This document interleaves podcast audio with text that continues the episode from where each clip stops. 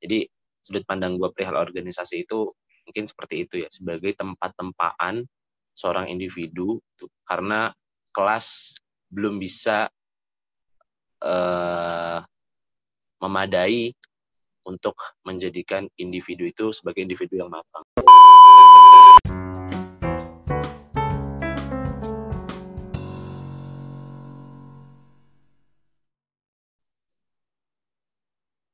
Bismillahirrahmanirrahim. Assalamualaikum warahmatullahi wabarakatuh. Uh, teman-teman semua, uh, especially Waalaikumsalam uh, mania mantap asik.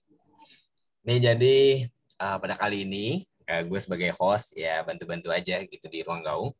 Terus ada episode kali ini mungkin sedikit, sedikit spesial ya karena ada teman kita dari Indonesia khususnya. Uh, langsung lah kita sambut aja sih. Uh, ada Abid Al Akbar sebagai yeah. narasumber kita pada kali ini. Boleh disapa teman eh, boleh disapa Abid ke teman-teman ruang gaung? Ya, halo teman-teman. Perkenalin nama saya Abid Al Akbar. Sekarang sedang kuliah di UIN Jakarta. Uh, UIN ya guys ya. Nah, satu lagi nih, gue ditemenin uh, sama temen gue. Uh, pada kali ini menjadi host bareng uh, ada si Huzaifa Ishak. Bolehlah disapa juga nih. Jack. Halo, halo guys. Halo. Nomor dua tuh ya suaranya ya. vokalis, vokalis. Nah, apaan sih? Uh, sekarang nih kita pada ngomong ngobrolin apa sih di podcast? Nah, dan ini siapa sih uh, Abid Al Akbar itu? Bolehlah perkenalan dulu kali ya, introduction dulu kali buat uh, buat pemateri atau narasumber kita uh, di podcast kali ini. Sebenarnya lu itu apa sih, Bit? Gue juga bingung, lu itu apa sih? Manusia. gue itu apa ya? Ya gue sekarang jadi mahasiswa di UIN, belajar di Fakultas Dirasat Islamiyah, salah satu fakultas yang memiliki kerjasama dengan Mesir, dan sekarang duduk di semester 7. Cukup kali ya itu perkenalan. Oke, boleh sih. Uh, ini sebenarnya tema kita agak agak ini ya, agak agak relate sama teman-teman mahasiswa semuanya. Uh, khususnya perbedaannya apa sih di Malaysia khususnya sama di Indonesia. Jadi kita tahulah compare antara di kuliah di luar negeri sama di uh, Indonesia khususnya kayak highlight juga nih UIN Jakarta tuh salah satu nah. kampus terbaik ya. Ya, Wit akan hal ya bisa dikatakan uh, akan hal organisasi dan uh, dan lain-lainnya di kampus. Bolehlah uh, si gue lempar ke Hujan uh, buat nanya-nanya nih untuk first time ke Abid. Oke oke. Gini nih apa namanya yang pengen gue tanyain banget itu uh, banyak mahasiswa sekarang itu bit yang kayak mereka tuh nggak bisa nyimbangin gitu loh antara pelajaran di kampus itu sendiri dengan uh, organisasi. Itu sebagai orang yang udah menurut gua lu udah pro banget lah di bidang organisasi nih. Gimana sih caranya nyimbangin antara pelajaran kampus yang kewajiban sama organisasi gitu? Biar nggak uh, apa namanya biar nggak tabrakan ataupun yang satunya terlepas gitu Bentar nih, bentar nih. Sebelum Abid ngejawab, yeah. uh, gue kan belum nyebutin nih tema besarnya apa sih uh, podcast. Oh iya benar. Ya, jadi podcast kali ini tuh membahas tentang doktrinasi Ormek atau organisasi mahasiswa ekstra kampus di uh, Indonesia dan uh, di Malaysia. Oke. Okay. Boleh. Nah, langsung nih. Sikat. Uh, si Abid. Kita sebutnya apa nih? Pres ya? Pres. Pres. Serem, serem. Pres, gimana Pres? Jadi nih Abid ini presmanya Win Jakarta atau kita bisa bilang BEM ya, Win Jakarta nih. Gila. Suhu banget. Gimana Bid? Oke, tadi mungkin karena sedikit putus-putus ya.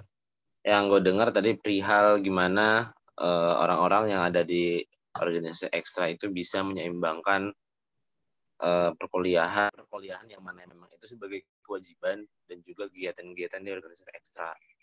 Memang pada awalnya, misal di semester 1, semester 2, itu mungkin semester-semester yang banyak teman-teman mahasiswa itu masuk organisasi ekstra. Itu karena mungkin doktrinisasi, karena kaderisasi yang kuat di lingkungan kampus, dan lain sebagainya.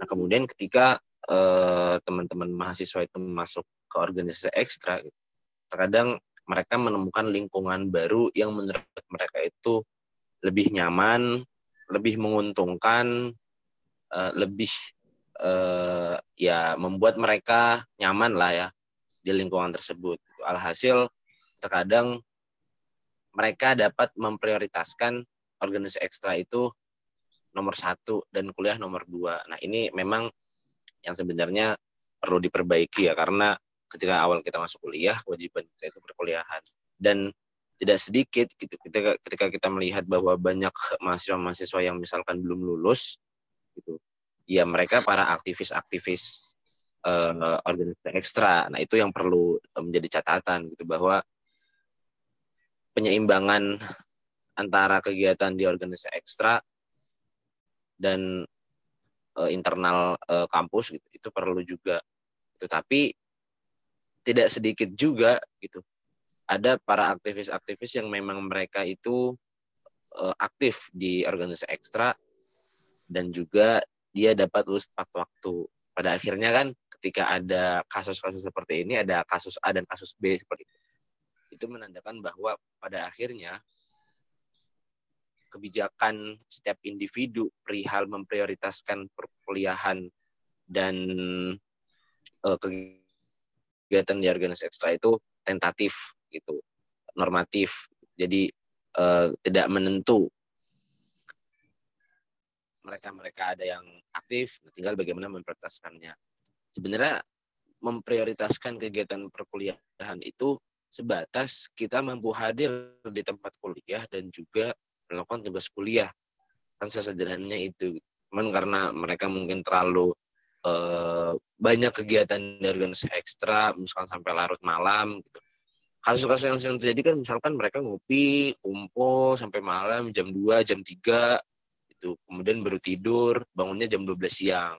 Sehingga ada beberapa mata kuliah yang misalkan terlambat. Dan itu diulangi hampir setiap eh, hari, hampir setiap minggu.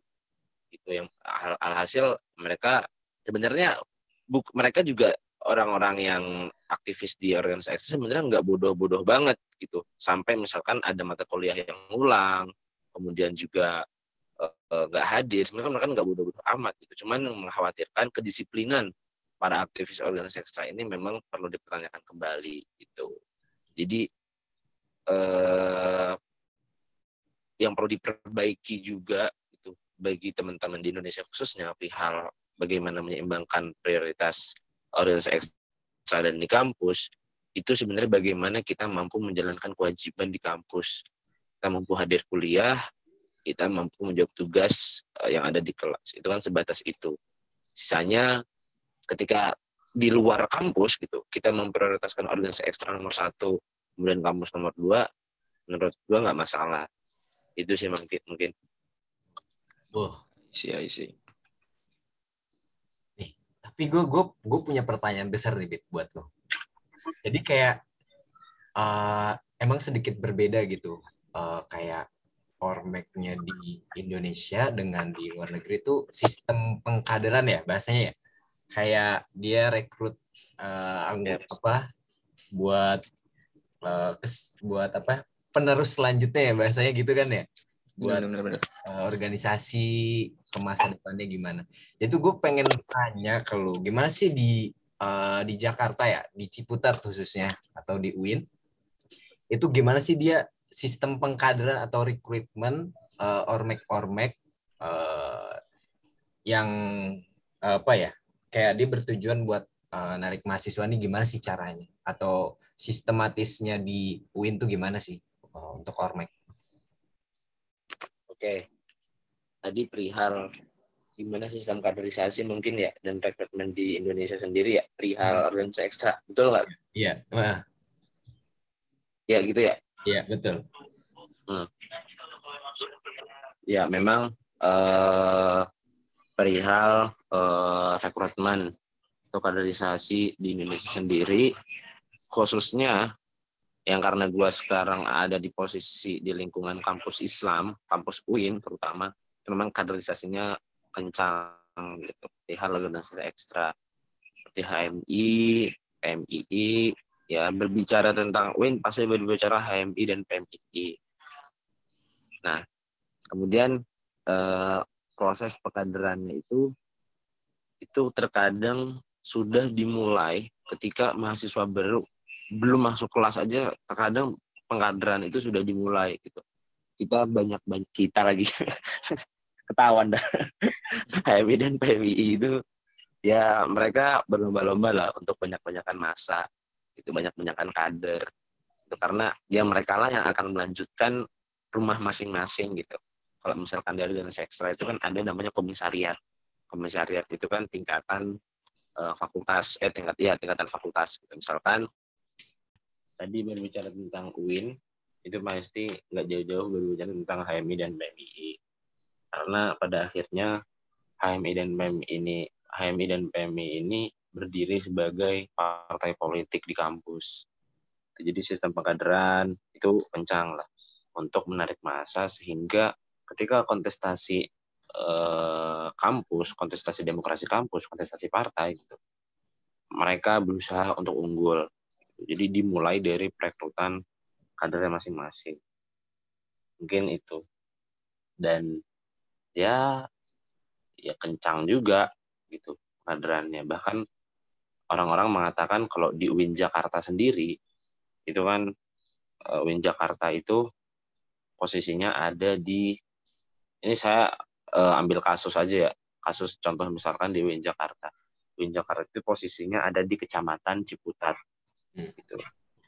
Biasanya organisasi ekstra itu memiliki cabang masing-masing kan kayak contoh cabang Malaysia cabang Semarang cabang uh, Jogja cabang Ponorogo itu standarnya tingkat kota atau kabupaten. Cabang itu standarnya tingkat kota atau kabupaten. Cuman di UIN Jakarta sendiri di Ciputat sendiri itu dia standar Ciputat yang sebagai kecamatan aja sudah dikatakan cabang itu karena antusiasme kemudian juga ambisi yang tinggi karena memang kadernya juga banyak itu yang menjadikan ya Ciputat ini bisa dikatakan unggul dalam perkaderan lah antar masing-masing organisasi ekstra entah itu HMI atau PMI saking kencangnya gitu. Itu sih Pak. Oh. Jadi gitu. Gue gue mau nanya deh. Uh, apa namanya? Hmm, gimana aja? Sebagai orang yang sudah berkecimpung menurut gue lu udah kayak yang udah lama lah di organisasi Abit. Nih, seberapa penting sih sebenarnya organisasi itu? Buat mahasiswa teman-teman mungkin ada teman-teman yang lagi dengerin nih yang mungkin baru mau baru maba gitu kan. Seberapa penting sih organisasi itu? Gitu loh. Oke. Oke, mungkin seberapa penting organisasi ya. E, kalau gue sendiri melihat organisasi itu memang sebagai tempat tempaan lah di samping kelas gitu karena bagi gue pribadi kelas itu tidak cukup untuk membuat diri kita itu menjadi orang itu kelas itu hanya cukup menjadikan diri kita ini sebagai murid yang harus taat kepada dosen gitu. Kalaupun yang lawan uh, ya perihal uh, ide gagasan atau argumen dan lain sebagainya. Cuman untuk menjadikan pribadi yang kuat uh, menjadi individu yang berkarakter itu gue kira kelas itu belum cukup untuk memenuhi itu. Jadi uh, bagi gue tempat lain yang bisa menjadikan individu ini matang itu lagi-lagi di organisasi. Bagaimana kita mengatur waktu bagaimana kita mengatur orang, bagaimana kita membuat program, bagaimana kita menarasikan gagasan, itu kan semuanya diajarkan di organisasi. Terlepas pada akhirnya organisasi itu memberikan dampak buruk bagi kita, itu bagaimana kita memilahnya aja, gitu. Tapi e, bagi gue, terlebih dalam tingkatan mahasiswa, organisasi itu menjadi bakal yang penting karena gue kira empat tahun duduknya kita di kampus itu menjadi bekal 40 tahun ke depan. Empat tahun ini ya kalau kita mau kuliah aja ya dapatnya kuliah aja. Kalau misalnya kita kuliah dan organisasi kita dapat dua-duanya. Kalau misalnya kita organisasi aja juga kuliahnya nggak dapat, tinggal bagaimana kita menyeimbangkannya. Jadi sudut pandang gue perihal organisasi itu mungkin seperti itu ya sebagai tempat tempaan seorang individu tuh, karena kelas belum bisa uh, memadai untuk menjadikan individu itu sebagai individu yang matang. Kelas. Itu mungkin. Banget nih. Daging nih sih. Koreksi nih kalau salah. Ebit nih, jadi kayak gue kasih insight juga nih kalau misalnya di luar negeri tuh uh, sistem apa namanya kayak pengenalan ada organisasi di sini tuh uh, ada namanya PPI atau Persatuan Pelajar Indonesia nih yang kayak uh, ya. yang ada di cabang-cabangnya itu dipegang oleh PPI Malaysia sendiri gitu. Nah kayak tapi organisasi mahasiswa ekstra kampus tuh kayak di sini mungkin yang uh, yang di Malaysia tuh kayak ada yang tahu nih, berarti dia ikut organisasi itu. Kalau misalnya nggak tahu pun apa kayak uh, untuk mahasiswa baru itu nggak ada pengenalan di situ. Mungkin ada, tapi mereka belum benar-benar tahu itu dalamnya apa. Kalau misalnya yang gue lihat nih di Indo kan kayak misalnya pas jadi maba tuh udah dikenalin ini organisasi mahasiswa apa ini ormek yang mhm. A, A B C D yang uh, yang yang apa ya yang dikenalin gitu di teman-teman maba khususnya di sini di di sini kayak free gitu loh kayak if you work apa kalau misalnya lu mau ya ikut gitu. beda sama di Indonesia ya. Ada hmm, unsur iya, iya, pemaksaan iya. nggak sih? Menurut lu? Kalau di Indo. Iya. Kalau di Indo apa di luar negeri? Kalau di Indo.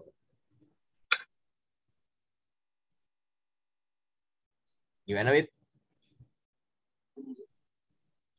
sambil gue sharing-sharing juga kali ya. Nah, boleh. Jadi maksudnya Dayan dari Bit kayak yang gue tangkep kayak di kalau di Malay itu perekrutan organisasi itu nggak se seheboh yang di Indonesia lah. Kalau di sini yang kayak ini ada perekrutan nih, ada mau buka buat uh, eh, PPI umpamanya gitu. Ya udah, yang mau silahkan, yang enggak ya udah, enggak yang kayak kita harus. Kalau misalnya di Indonesia yang gue lihat kayak uh, kayak kita nyamperin ke satu orang ini kita nawarin kita jelasin organisasi ini kayak gini kayak gini. Nah kalau di Malaysia tuh nggak ada kayak gitu loh. Gitu maksudnya ada yang tadi.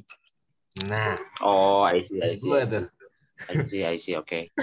uh, menurut gua gitu ketika memang misalkan kultur di luar negeri seperti itu gitu ya wajar aja gitu. Karena memang apa hal besar ya yang melatar belakangi kalau misalkan semester baru ya mahasiswa baru itu harus masuk organisasi PPI misalkan. Itu kepentingan besarnya apa? Itu itu yang sebenarnya gue juga belum tahu ya.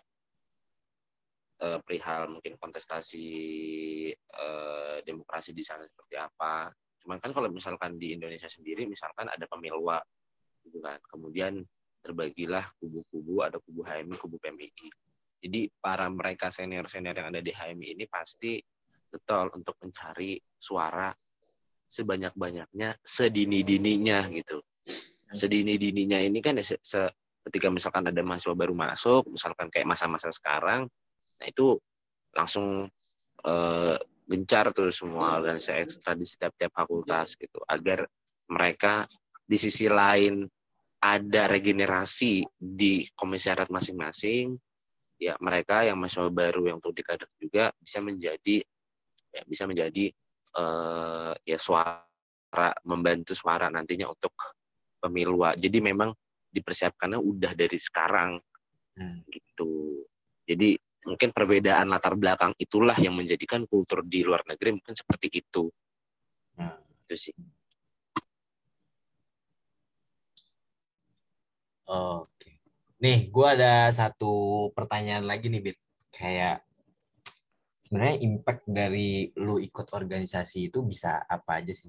Mungkin emang salah satu pencapaian lu kayak, wah sekarang nih, Bit, oh, dapat namanya ini kan lu tadi sebutin kayak demokrasi di demokrasi apa nih ya di uh, di kalangan mahasiswa ya organisasi mahasiswa gitu contohnya misalnya kayak nyalonin jadi presma kan khususnya kayak bem di uh, Win. Sebenarnya kayak di Malaysia sendiri tuh ada di kampus-kampus. Tapi mungkin di sini tuh lebih uh, mungkin majoritinya gitu. Soalnya kan di kampus gue sendiri kan kayak banyak nih international studentnya mungkin dari berbagai negara.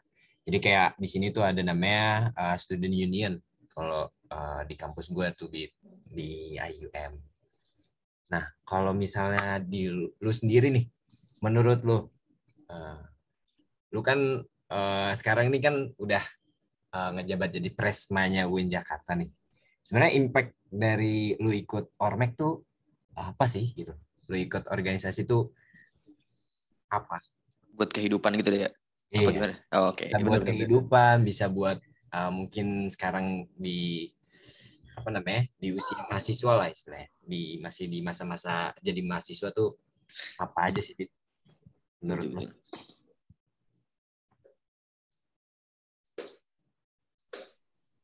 apa aja apa? Jadi sorry putus. Uh, impactnya dari lu ikut. Uh, organisasi. Ataupun lu habis dari ikut ormek nih lu dapat apa gitu? Oh jadi pertama kali gua masuk organisasi ekstra itu sampai hari ini gitu ya betul. Bisa jadi sampai ini atau ke depannya mungkin. Oke. okay. Hmm, yang pertama. Yang pertama uh, ketika mungkin gue ceritakan sedikit ketika misalkan gue pertama kali masuk organisasi ekstra ini di HMI gue masuk gue nggak akan menyangka gitu bahwa uh, pada akhirnya gue bisa duduk di posisi hari ini gitu. Ya ketika dulu gue misalkan masuk ya udah masuk ya ketemu sama teman-teman sebaya ketemu ketemu sama teman-teman eh, satu tingkat di atas dua tingkat di atas. Itu ketika jadi mahasiswa baru udah kayak menjadi hal yang wah lah ketika kita bisa kenal sama senior misalkan yang satu tahun di atas dua tahun di atas. Seiring berjalan waktu ya ada kegiatan-kegiatan organisasi akhirnya kita bisa kenal sama yang lebih tinggi lagi sama yang lebih tinggi lagi gitu. Nah kemudian eh,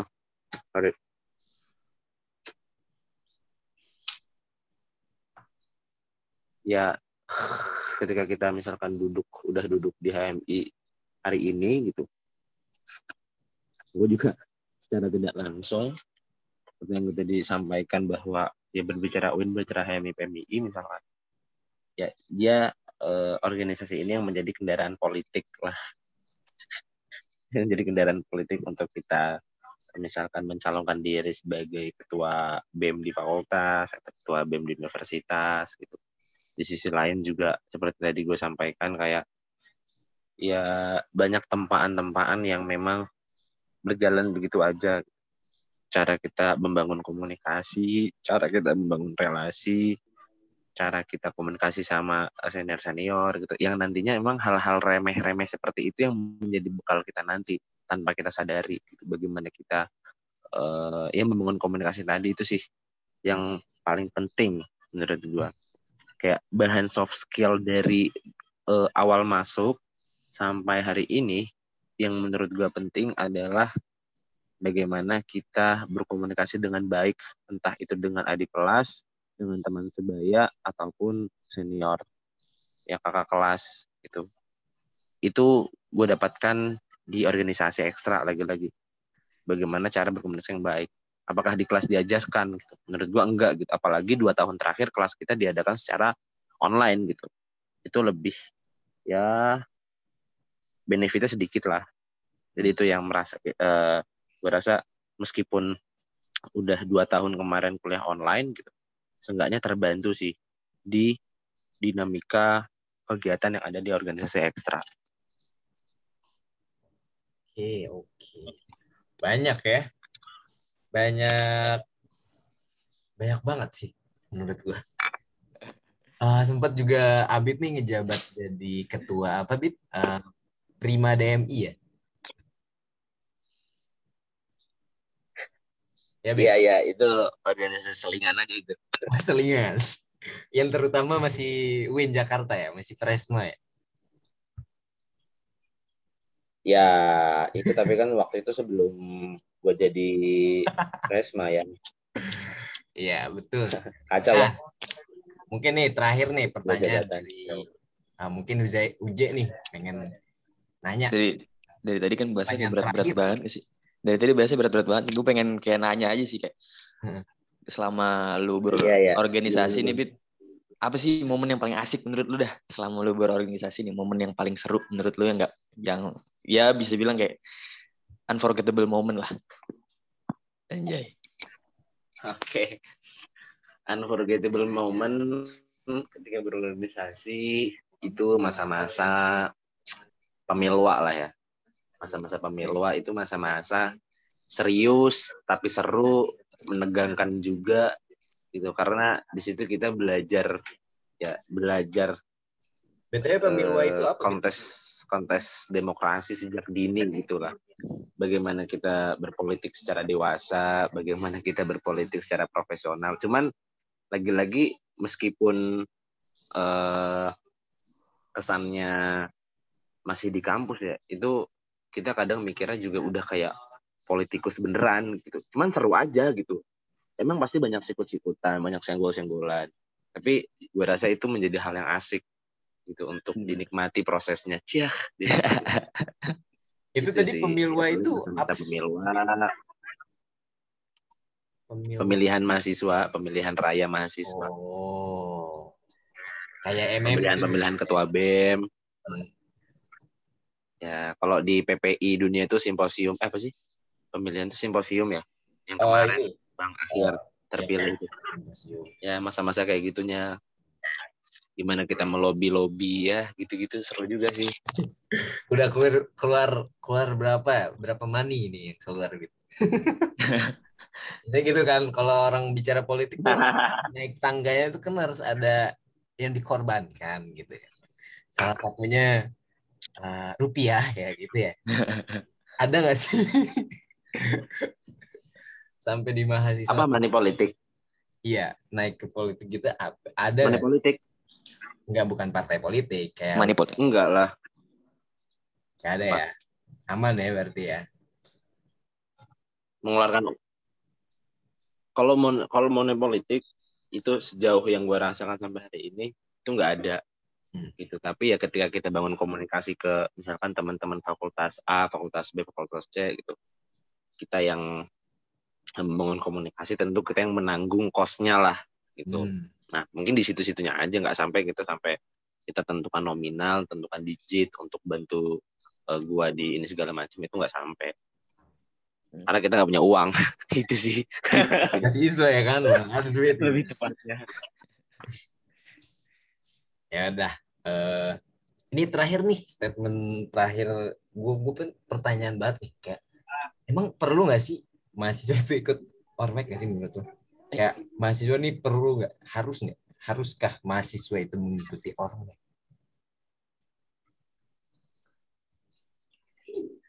harus mengikuti organisasi ekstra. Iya. Organisasi organisasi ekstra ya? Hmm. organisasi ekstra. Iya. Kalau menurut gua gitu. Karena lingkungan organisasi ekstra itu di masing-masing tempat itu beda tuh misalkan ada tempat yang memang pengkaderannya kuat ada yang memang organisasi ekstra hanya sebagai selingan itu kembali ke lingkungan organisasi ekstra masing-masing. Yang gua mungkin haruskan ya anjurkan kepada teman-teman itu setidaknya kita punya satu eh, sandaran berorganisasi itu entah itu organisasi ekstra entah itu organisasi internal kampus UKM ya unit kegiatan mahasiswa terserah gitu. bahkan kalau misalkan di Indonesia kan ada organisasi primordial ya. Kan eh, teman-teman yang berasal dari Banten teman-teman yang berasal dari Jawa teman-teman berasal dari Sulawesi itu ada organisasi. Aktif di situ pun bagi gue nggak masalah. Tinggal bagaimana kita menjalankan proses di organisasi itu aja gitu. Kadang kita organisasinya banyak sampai tiga sampai empat gitu. Tapi proses berorganisasi itu nggak kita rasakan sama sekali itu bagi gue percuma. Lebih baik kita misalnya punya satu organisasi ekstra ataupun non ekstra gitu. Tapi kita bisa maksimal gitu. Kita tidak menjadi uh, buntut terus gitu. Tapi seenggaknya menjadi kepala.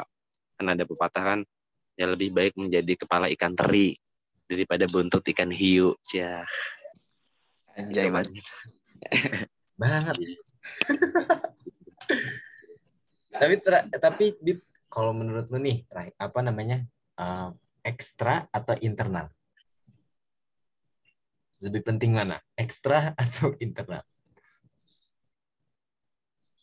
Lagi-lagi lagi-lagi kembali ke lingkungan masing-masing ya gue nggak bisa mengatakan kalau misalkan misalnya gue sebagai mahasiswa UIN gue melihat lebih penting ekstra sepertinya. Bukan lebih penting ya. Lebih menganjurkan gitu. Karena proses yang dilaluinya cukup banyak dan cukup cukup apa ya cukup menempa lah gitu. Tapi tergantung misalkan di lingkungan kampus lain gitu. itu kembali ke masing-masing kampus aja. Tapi eh, yang gue tangkap nih ya, berarti mahasiswa itu sebelum dia memilih Ya. dia masuk organisasi ekstra atau internal, berarti mereka sendiri yang harus mengidentifikasi diri mereka sendiri dong. Maksudnya dia lebih cocok ke mana nih? Dia mau dia harus punya tujuannya sendiri kan? Maksud lu gitu kan? Ya nggak sih? iya betul Oke oke, paham paham paham. Oke, mungkin eh, cukup menarik ya, cukup menarik untuk eh, sobat ruang gaung nih, ya kan? Yang mana belum tahu nih organisasi internal tuh gimana, ekstra kampus tuh gimana, mungkin bisa tahu nih, bisa dicontoh mungkin ya dari Abid, salah satu Presma UIN Jakarta ya kan, saat sekarang ini ngejabat di 2021 2022 ya, eh 2022 Presma amat dua dua dua tiga. Nah, setahun ke depan ya. Mungkin bisa bersinergi mungkin ya sama ruang gaung juga pun bisa gitu karena sempat kemarin tahun kemarin ada lah dari uh, UIN mungkin kita berkolaborasi ya ada acara-acara kampus acara-acara PPI mungkin mungkin cukup sekian uh, dari kita kali ya. Gimana J? Ada tambahan nggak sih lu? oke Ini udah banyak ya. Abid bo- apa ada closing statement nggak nih buat teman ruang gaung nih? waduh. Bung Setman untuk eh, audiens dari teman-teman ruang gaung dan juga teman-teman yang berproses di ruang gaung itu sendiri ya pesan gua jaga kesehatan tetap nikmati proses yang ada gitu itu aja sih paling Pakai Tapi Masker juga ya. tetap bernafas ya. Kalau misal ada lain waktu kita bisa ngobrol-ngobrol ngobrol-ngobrol lagi lebih lama lah Oke. Siap. Mantap. Daging banget ya. Ya J ya. Daging banget nih narasumber kita ya. Serem banget deh. Keren banget. Ya kan? Ah, udahlah. Pokoknya serem. ah, Serem, jangan serem. lupa dengerin episode-episode selanjutnya. Mungkin dari kita Ruang Gaung kami pamit undur diri. Saya Abdul Dayan, ah, host pada kali ini dan ditemani oleh? Huzaifa Ishak Ibrahim. Oke, kita pamit undur diri. Wassalamualaikum warahmatullahi wabarakatuh. Thank you, thank you. Thank you teman-teman semua. Waalaikumsalam warahmatullahi wabarakatuh